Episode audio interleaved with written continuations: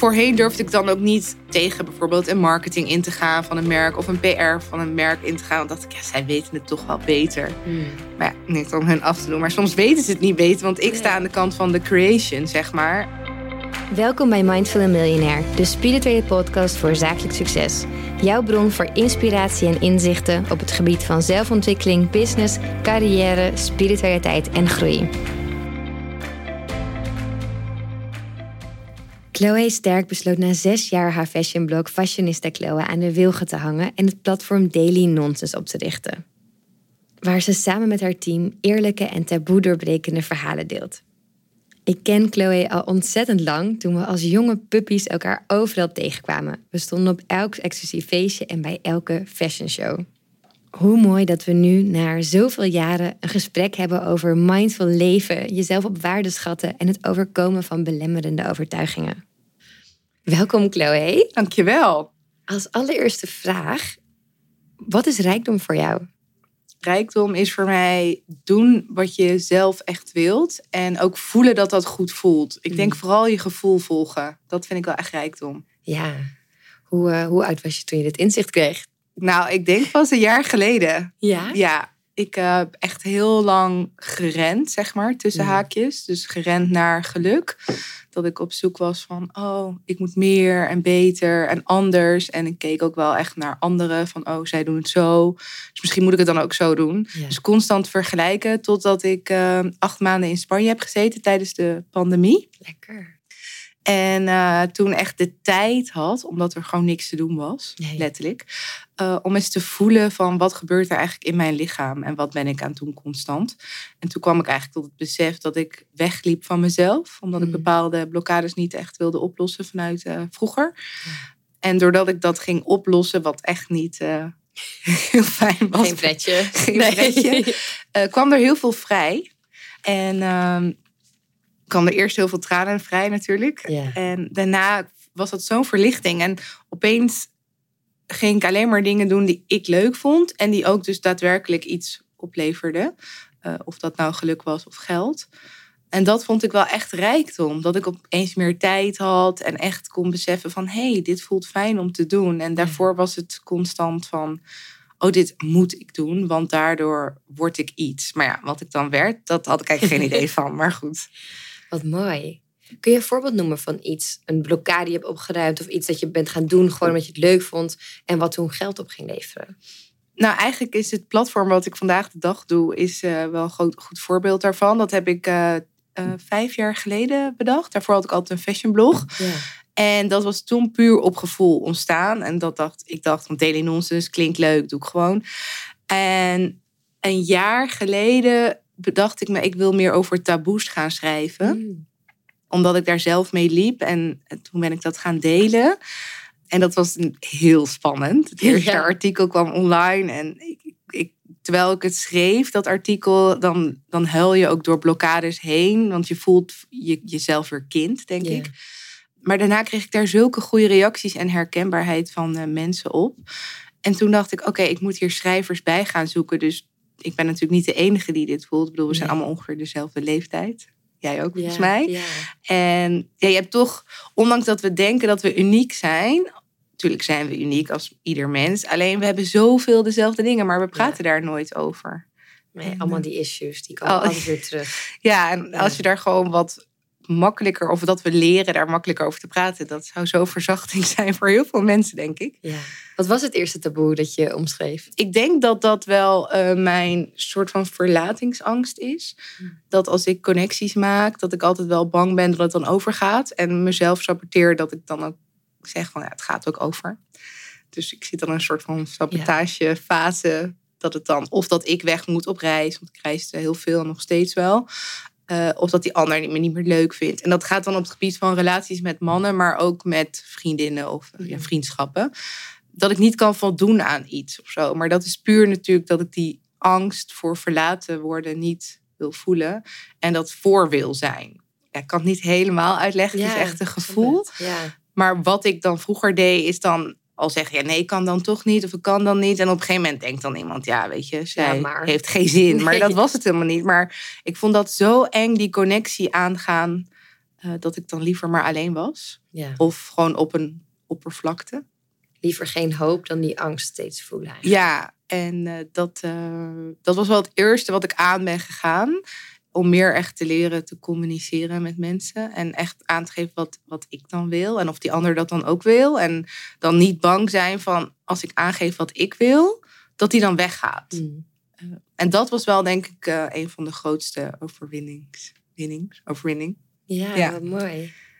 Ja, wat goed. En dat ook tof eigenlijk voor je business, dat zoveel mensen dat herkennen en zoiets dus waarschijnlijk heel goed gelezen wordt. Ja, en ik denk dat het dat zeg maar bepaalde angsten die gaan door in, in ook in business. Dus Ja. ehm, wat ik merkte doordat ik dat privé kon oplossen, kon ik opeens ook heel anders zaken doen. En dat vond ik toch interessant. Hoe ging dat? Eh, nou, ik dacht opeens van oké, ik voelde ook steeds sterker wat ik wilde. Ik had dat heel lang gewoon weggeduwd Mm. en deed gewoon een beetje wat de maatschappij wilde, wat mijn ouders wilden, vrienden wilden. Iedereen zei wat en dacht ik, oh ja, dat is ook wel leuk, dan kan ik dat doen.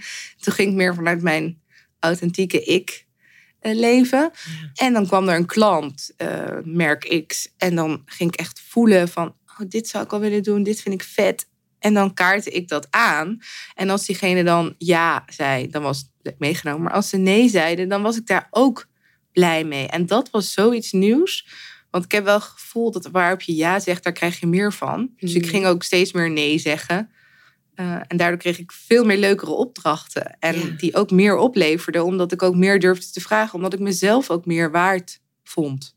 Ja, Vind. en het ook echt vanuit jezelf deed. Ja, Ja, dus iets veel uniekers bracht dan dat je maar inderdaad doet wat, wat je denkt dat er verwacht wordt. Ja, en voorheen durfde ik dan ook niet tegen bijvoorbeeld een marketing in te gaan van een merk of een PR van een merk in te gaan. Want dacht ik, ja, zij weten het toch wel beter. Mm. Maar ja, niet om hun af te doen. Maar soms weten ze het niet beter, want ik Nee. sta aan de kant van de creation, zeg maar. En ze vinden het juist leuk om input te hebben. Maar ik vond dat zo eng in het begin om dat eh, te geven. Dat ik Ja. dat vaak niet deed en maar deed wat zij dan deden. Terwijl als je dat gaat doen, dan zie je dat ook in je statistieken terug.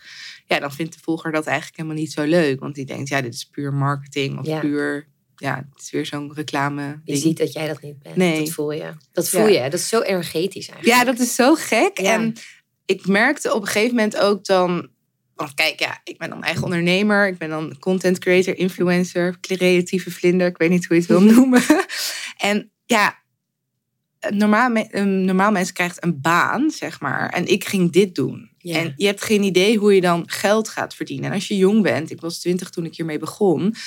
dan kijk je ook echt naar zo'n marketingafdeling op. Dan denk je, ja, eh, hoe ga Ja. ik dit dan zeggen? En dan ben je al heel blij dat ze je een product geven, bij wijze van spreken. maar om dat om te zetten is best wel spannend, vooral als je jong bent. Ja.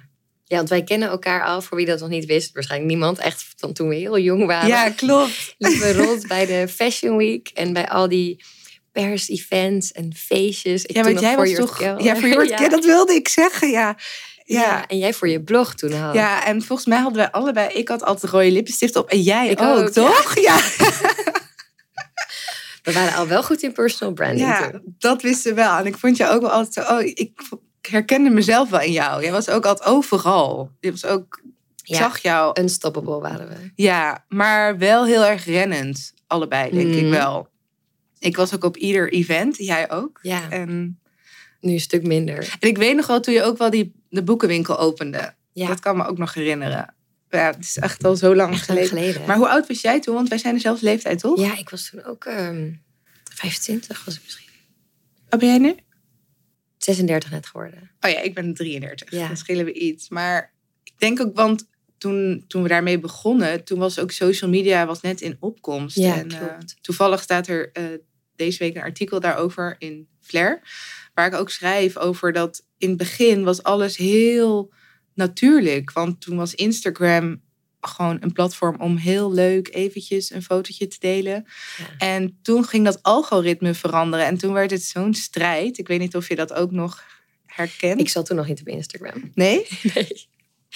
Grappig, want, want als je nu terugkijkt naar toen waren we net zo jong en nu sta je hier en nu doe je echt je business uit het gevoel. Wat heb je allemaal geleerd? Ook over je business, over het doen van een business. Wat heb je, Ja, behalve voor jezelf opkomen, duidelijk. nou ja, dat is wel echt wat ik geleerd heb. Om, eh, om bij, je, bij jezelf te blijven. Dus uh, ook als ik om me heen kijk, zie ik zoveel mensen die ook net als ik vroeger gewoon iets anders gaan doen. Omdat dat dan tussen haakjes de norm is. Um, en ik denk dat ik ook echt wel geleerd heb om jezelf op waarde te schatten. Um, en hoe je dat doet. Dat heb ik wel toch wel veel over gelezen en uh, podcast over geluisterd. Wat je dan het beste kan doen. Ja. Um, en ik heb geleerd om niet te denken dat je het alleen kan. Mooi. Dat vind ik het de beste tip. Mijn, mijn vader werkt ook voor, die, voor zichzelf. En die is pas veel later met meer mensen gaan werken. En die zei ook had dat veel eerder moeten doen. Ja. Heb je een team om je heen verzameld? Ik werk nu met een manager. En zij doet de finance-achtige dingen. Zoals ik zei, ik ben echt heel creatief en ik bedenk dan iets. Dat vind ik dan heel vet. Maar ik wil daar het liefst geen prijskaartje aan hangen. Maar helaas, het leven is niet gratis. Nee. En zij strijdt dus heel erg van: oké, dat kost dit bedrag. En dat moet dan de opdrachtgever overmaken. En ik weet ook echt wel wat het ongeveer kost allemaal. Alleen, ik vond het gewoon niet leuk om daarmee bezig te zijn. Nee. En um, nu geeft dat zo'n opluchting. Zij doet daar ook in de mail. En uh, zij is gewoon, uh, ze is heel lief.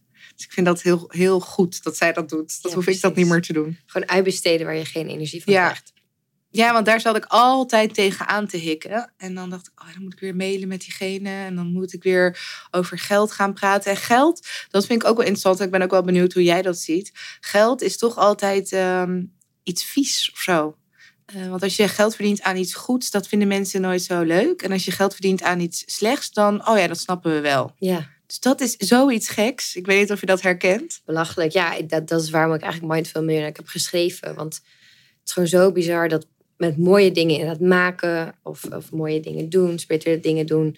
daar mag je geen geld mee verdienen, want je helpt mensen. Ja, Maar ook mooie stom. dingen maken, inderdaad.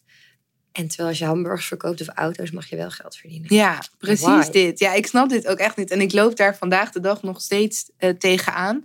Ehm, ik was laatst met een, ehm, een beetje spirituele, creatieve community bezig. En ik zou daar heel graag een jaar lang voor willen schrijven. Maar ja, toen zei ik wel van ja, kan dat niet voor gratis doen. Ik kan natuurlijk af en toe wel bij jullie langskomen. En daar, daar steek ik echt wel mijn handen voor uit. Ik vind dat heel leuk. En toen kreeg ik terug van nee, wij zijn een vereniging, een community. Wij doen het allemaal vrijwillig. En dat vond ik zo jammer. En toen heb ik ook echt teruggemaild. Ik zei, ja, weet je, als vanuit jullie kant dit maar blijft... als er geen budget vrijkomt voor marketing... dan moet ik als eh, content creator vies geld blijven verdienen. Ik doe het even tussen haakjes. Maar dan moet ik dus met hele commerciële partijen blijven werken... Ja. om dus veel geld te verdienen. Nu verdien ik liever iets minder geld en werk ik met mooie partijen. Dus ik zeg ook heel vaak nee.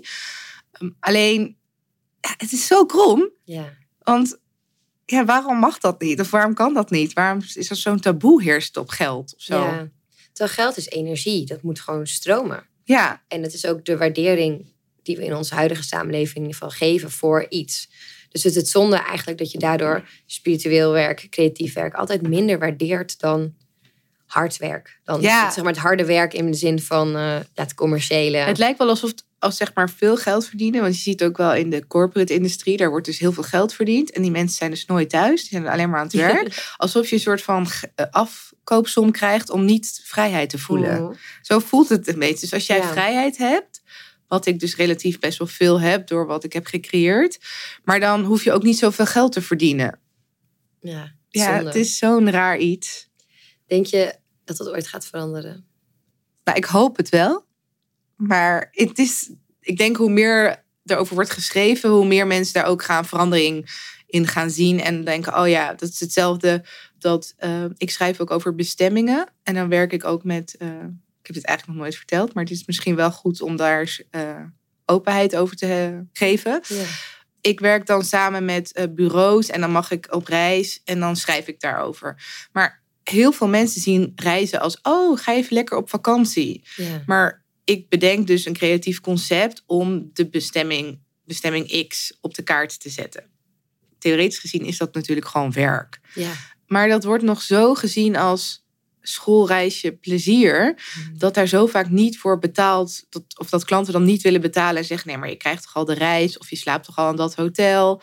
En tuurlijk, ik begrijp het, want het is iets heel leuks. Alleen wil je een creatief concept maken, dan kost dat tijd. En tijd is geld. Maar dat is ook zoiets geks dat jij zegt: van, ik wil geld verdienen aan reizen. Persreis, ja. Ja. Terwijl daar ben je natuurlijk ook aan het werk. Nou ja, en je bent ook soms met een groep waar je niet voor kiest. Dus je bent constant, sta je aan. En dat kost zoveel energie. Dus daardoor moet ik heel vaak nu nee zeggen. Terwijl ik wel echt zou willen. Omdat, ja, ik kan dan een week... Want je gaat vaak vijf dagen weg. En dan twee dagen daarna moet ik alles uitwerken. En dan staat er dan geen Nee. fee tegenover. En eh, dat vind ik soms wel jammer. Best hard werken als influencer en creator. Mensen denken altijd, oh, je bent altijd op vakantie, zo leuk. Maar het is gewoon hard werken eigenlijk. Maar met meer vrijheid. Ja, het is hard. eh, Ik wil niet zeggen dat het hard werken is. Maar het is vooral hard werken ook aan jezelf. Omdat om je heen. Dus kijk, ik heb nu die beslissing genomen om eh, veel reizen dus niet meer te doen. Omdat Ja. het dus dan uiteindelijk geen geld oplevert. En ik wil taboes doorbreken met mijn website. Dus dan wil ik meer hier zijn. Want als ik op reis ben, dan ben ik zelf wel heel happy. Alleen dan kan ik dat werk voor die taboes doorbreken wat ik hier doe. Mhm. Ook waar ik over schrijf, dat kan ik dan niet doen. Dus dat stapelt allemaal op. En dan raak je zo overprikkeld dat je dan weer zoveel rust nodig hebt. Dat het allemaal langer duurt.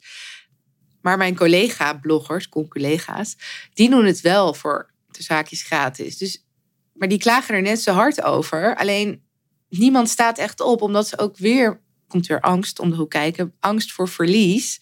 Dat als jij nee zegt, dat dan de ander wordt ingezet. Daardoor doen ze het maar wel. Of dan sturen ze een andere redacteur. En ik begrijp het allemaal heel goed, alleen dat verandert dus het probleem niet. Want als je het blijft doen, dan ja. Uit zichzelf in stand. ja. Ja. En net gaf je ook al aan, je hebt veel geleerd over zelfwaarde. En dat begrijp je nu beter. Kun je een les met ons delen of een tip om dat meer te voelen? Want het hangt hier natuurlijk ook heel erg mee samen. Maar hoe doe je dat nou praktisch? Ik heb twee dingen die ik doe. Ik doe ehm, de drie A's of de K. Ik weet niet of je dat kent. Nee. Dat is dus, eh, nou, wat we allemaal doen is klagen.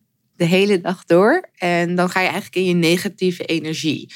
Dus eh, stel er is een probleem wat je voelt. En dan voel je vooral onrust. Dat is, dat is vaak het gevoel. Dan doen we het liefst een vriendin opbellen. Gaan we klagen. Oh, zo vervelend. Of eh, we zoeken afleiding daarvoor. Ehm, maar ik probeer dan te gaan zitten op de bank bijvoorbeeld. En dan ga ik accepteren, aanpassen of afscheid nemen. Dus ik, ik eh, analyseer het probleem. Want ik voel wel, er is iets. Eh, dan ga ik kijken of ik daar in eerste instantie eh, dat kan accepteren. Of ik diegene kan accepteren. Of de klant of het project of whatever het is. Als ik dat niet kan, ga ik denken, kan ik het aanpassen? Nou, dat zou kunnen. Dus dan zou je misschien iets kunnen mailen naar diegene. Of diegene kunnen opbellen. Of whatever het is. Als het met iemand anders is. En als dat niet zo is, dan heb je dus al twee keer erover nagedacht. En ook twee keer echt heel eh, bewust gevoeld wat er aan de hand is. Dan neem ik afscheid.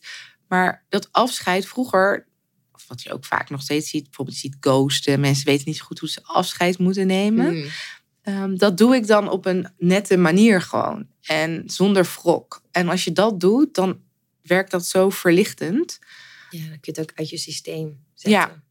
En ik heb ook voor mezelf, dat is ook wel een tip, eh, opgeschreven wat mijn afleidingsmanoeuvres zijn als ik niet wil voelen. Hmm. Wat zijn jouw afleidingsmanoeuvres? Nou, er zijn er een aantal. Ik heb reizen. Dus Hmm. dat is wel een moeilijke, want dat doe ik ook voor werk. Ja. Maar dat is mijn afleidingsmanoeuvre. Mm, bellen. Heel veel bellen. nou, doe ik echt wel minder, maar dat deed ik heel veel. Eh, Netflixen.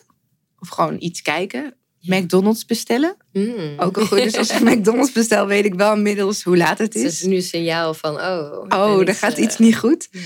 En op dating apps gaan. Dat is Oh. er ook wel eentje. Ja. Ja.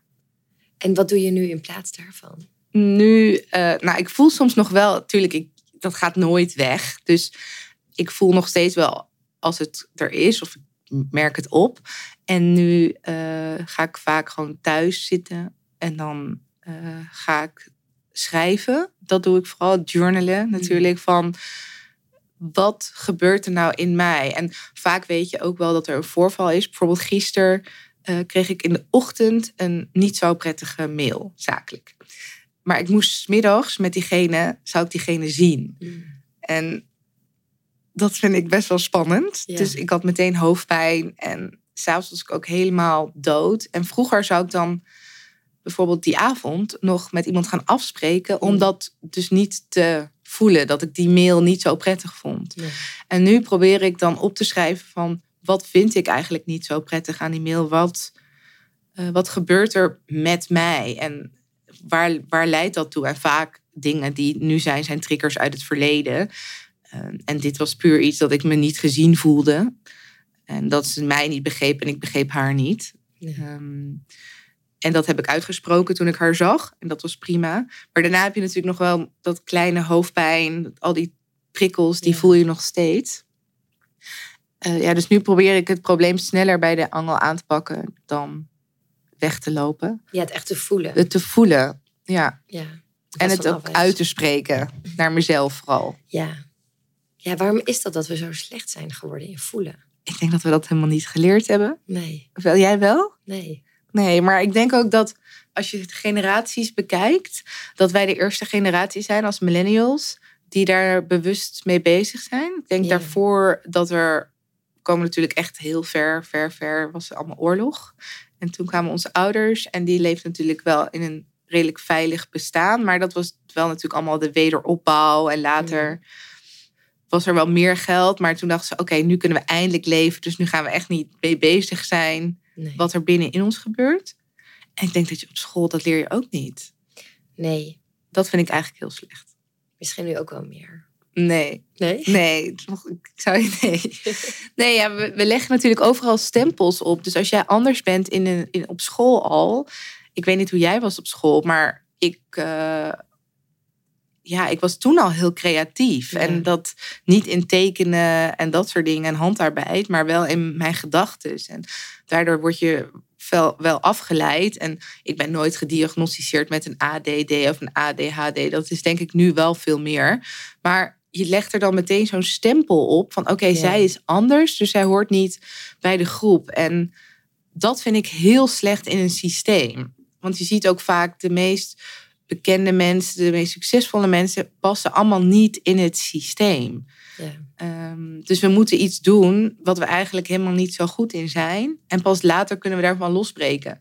Dus ja, je kunt zeggen, oké, dat is dan heel goed, want daardoor zijn we succesvol geworden. Maar ik heb daar wel veel pijn van gehad. Ik weet niet hoe dat bij jou is. Ik zit te denken. Ja, ik zat op een heel klein schooltje waar het heel. eh, waar ik, ik was altijd verkleed en ik maakte mijn eigen kleding en toneelstukken en tekenen en alles. Alles mocht daar. Dus dat is wel heel fijn dat ik zo ben opgegroeid. Maar ik zit bijvoorbeeld nu te denken. Mijn nichtje is, is lerares en zij mediteert bijvoorbeeld ook wel eens met de kindjes. Oh, dat vind ik wel van, goed. Oh, wauw, misschien. Ik hoop dat dat nu meer, dat het meer komt. Want ik denk dat voelen echt aan de basis staat. Ook inderdaad van je succesvol voelen, weten wat je wilt, gewoon geluk in het leven. Maar dan moet je wel helemaal terug naar de basis. En dat is in mijn, ja, in mijn optiek echt voelen. En als je dat nooit hebt geleerd, ja, dan weet je helemaal niet wat je niet voelt. Je kunt niet weten inderdaad wat je nooit hebt geleerd. Wat je niet Nee, weet klopt. wat het is. Het komt nu steeds meer. Dus daarom hoopte ik van, oh, misschien nu dat er meer aandacht aan wordt besteed. Maar misschien is het wel meer op. Want je hebt natuurlijk ook heel veel vrije scholen. Hmm. En misschien is het daar wel meer. Ja. Dat weet ik ook niet. En ik denk ook wel dat het in een. Ik bedoel, ik kom uit een dorp bij Nijmegen. En dat is misschien daar ook wel weer anders. Maar ik denk sowieso stempels leggen op kinderen is niet handig. Nee. En dat zie je nog wel dat dat gewoon heel veel gebeurt. Ja. Eh, en dat je daar, als ik nu met vriendinnen spreek of andere familieleden die dan dat hadden, dat die wel daar een, een knauw van hebben gehad. ja. Van, ik hoor er niet bij. Daarom worden misschien ook wel veel mensen ondernemer. Dat je echt je eigen ding kan doen. Ja, want ik voel dat nog steeds wel eens in groepen hoor. Ik vind dat Ja? wel, eh, ja. Ik kan wel beter met groepen, maar ik voel me nog steeds soms niet een beetje een soort van helikopterview Hmm. boven die groep. En dat voel ik wel vooral in Amsterdam. Dus dan gaan toch wel veel mensen dezelfde richting op. En ik heb dat dan niet. Dus dan vind ik dat wel lastig. Voel je je anders. Ja, Hoe gebruik je dat anders zijn, ook als je, als je kracht? Zet je het ook in? nou, ik- ja, door wat ik doe qua werk. Ja. Dus daardoor kan ik heel makkelijk in mijn eentje reizen of in mijn eentje naar een event gaan. En dat was ik al tien jaar geleden. Dan sprak ik wel eens con- collega-bloggers. En die zeiden dan, nee, ik ga niet naar een event, want er is niemand om mee te gaan. En dacht ik echt van, hè, maar hoezo? Ja. Je kunt toch ook alleen, je gaat toch voor zaken doen? Je gaat toch niet om vrienden te maken? Nee. Dus dat heeft me heel veel succes gegeven. Omdat ik niet ergens toen de tijd bij wilde horen. Ik dacht, ik doe gewoon wat ik doe. Want ik heb dat gevoel toch niet gehad. En ik ken dat helemaal niet van erbij horen. Ik wilde dat misschien dat ergens wel. Maar ik wist ook helemaal niet hoe ik dat moest doen om er wel bij te horen. Nee. Ehm, ja. Nee, dus eigenlijk inderdaad was dat weer een soort van geluk bij een ongeluk. Omdat je dat to- toch niet had, maakt het je ook niet uit. En ga je gewoon lekker je eigen ding doen. Ja, en ik heb ook heel lang gedacht, ik heb niks te verliezen. Dus ik Nee. hou heel erg bijvoorbeeld van mijn ouders. Die zijn nog bij elkaar. En nu inmiddels hebben ze een hond. En ja, ik dacht alleen van, oh, ik zou het heel vervelend vinden als ik er nooit meer, als ik er niet ben of zo. Dat zij mij moeten missen. Maar verder, ik, natuurlijk, ik heb wel vriendschappen nog uit mijn oude dorp. En ik heb hier ook vrienden. Maar die hechte band met, met anderen eh, apart van mijn ouders, dat heb ik dus nooit zo gevoeld. En dat voel ik nu door, de, door de blokkades die ik heb opgelost, ga ik dat wel steeds meer voelen. En het gekke is, dan ontstaat er dus iets nieuws. Want ik merk nu dat ik die angst van als ik dan met mensen connect, dat ik ze dan verlies, die zit er dan nog wel. Omdat, Ja. ja, ik vind gewoon dat mensen als ze weggaan, vind ik gewoon niet leuk. Nee, nee. Nee, dus dat, dat, valt, dat blijft dan nog wel over. Ja, misschien kan ik daar gewoon heel moeilijk mee omgaan. En heb ik mezelf ooit voorgenomen van, oh, als ik dan niet met mensen connect, hoef ik daar ook niet naar te kijken. Nee, zelfbescherming. Ja, Ja. Om de podcast mee te eindigen, wat is het beste advies dat je ooit zelf hebt gekregen? Ik denk durven is even je evenwicht verliezen. En niet durven is uiteindelijk jezelf verliezen. Hmm, mooi. En hoe leef jij dat advies zelf? Nou, wat ik vooral doe, is dat ik soms gewoon heel even dat stapje maak. En dat is ergens een beetje onwennig, maar daarna gaat het echt veel beter. En als je het niet maakt, het stapje, dan ga je steeds verder van jezelf vandaan staan. Dankjewel. Alsjeblieft. Je luisterde naar Mindful Millionaire, de podcast. Ik hoop dat deze episode je nieuwe inzichten, inspiratie en ideeën heeft gegeven. Mocht dat zo zijn, dan ben ik je super dankbaar als je deze podcast deelt, volgt, reviewt of een shout-out geeft op Instagram via Steffi. Dankjewel en tot snel.